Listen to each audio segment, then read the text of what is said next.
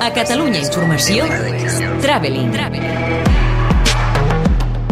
Estrenes de cinema i sèries a Catalunya Informació. Traveling. Amb Marc Garriga. Y'all ever thought about the wild missions we've been on? We've taken out planes, trains, tanks. I'm not going to even think about the submarines.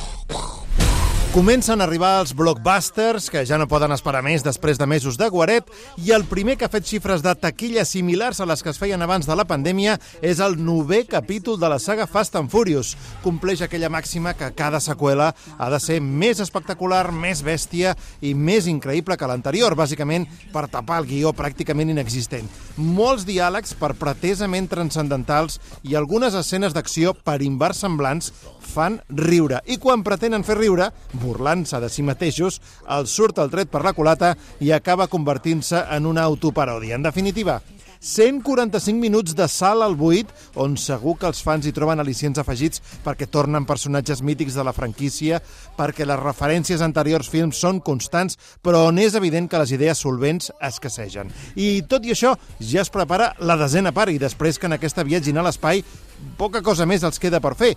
Viatges en el temps, ho veurem l'any vinent. Ouais, bah, t'as entendu ça C'est strange, non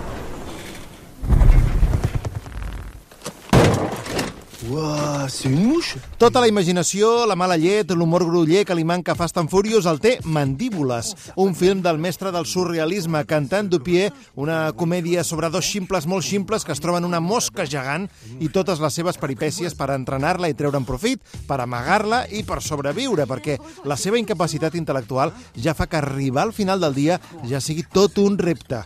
Esbojarrada, sarcàstica fins a l'extenuació, també en part tendre per la relació dels dos protagonistes i un dels films més aplaudits dels festivals de Venècia i Sitges de l'any passat amb el crit Togo, convertit en un nou himne del públic sense prejudicis. Qu'est-ce que je me sentais bien avec toi. Mais c'est vrai, j'avais pas d'attirance. El cinema francès també ens porta Les coses que decimos, las cosas que hacemos, una sublimació romàntica de les emocions humanes. Històries creuades d'amants impossibles, matrimonis desballestats, amistats complexes i trobades sexuals intenses, molt ben escrites, molt ben retratades, un film llarg però que flueix sense cap entrebanc i que sorprèn, entreté i enamora.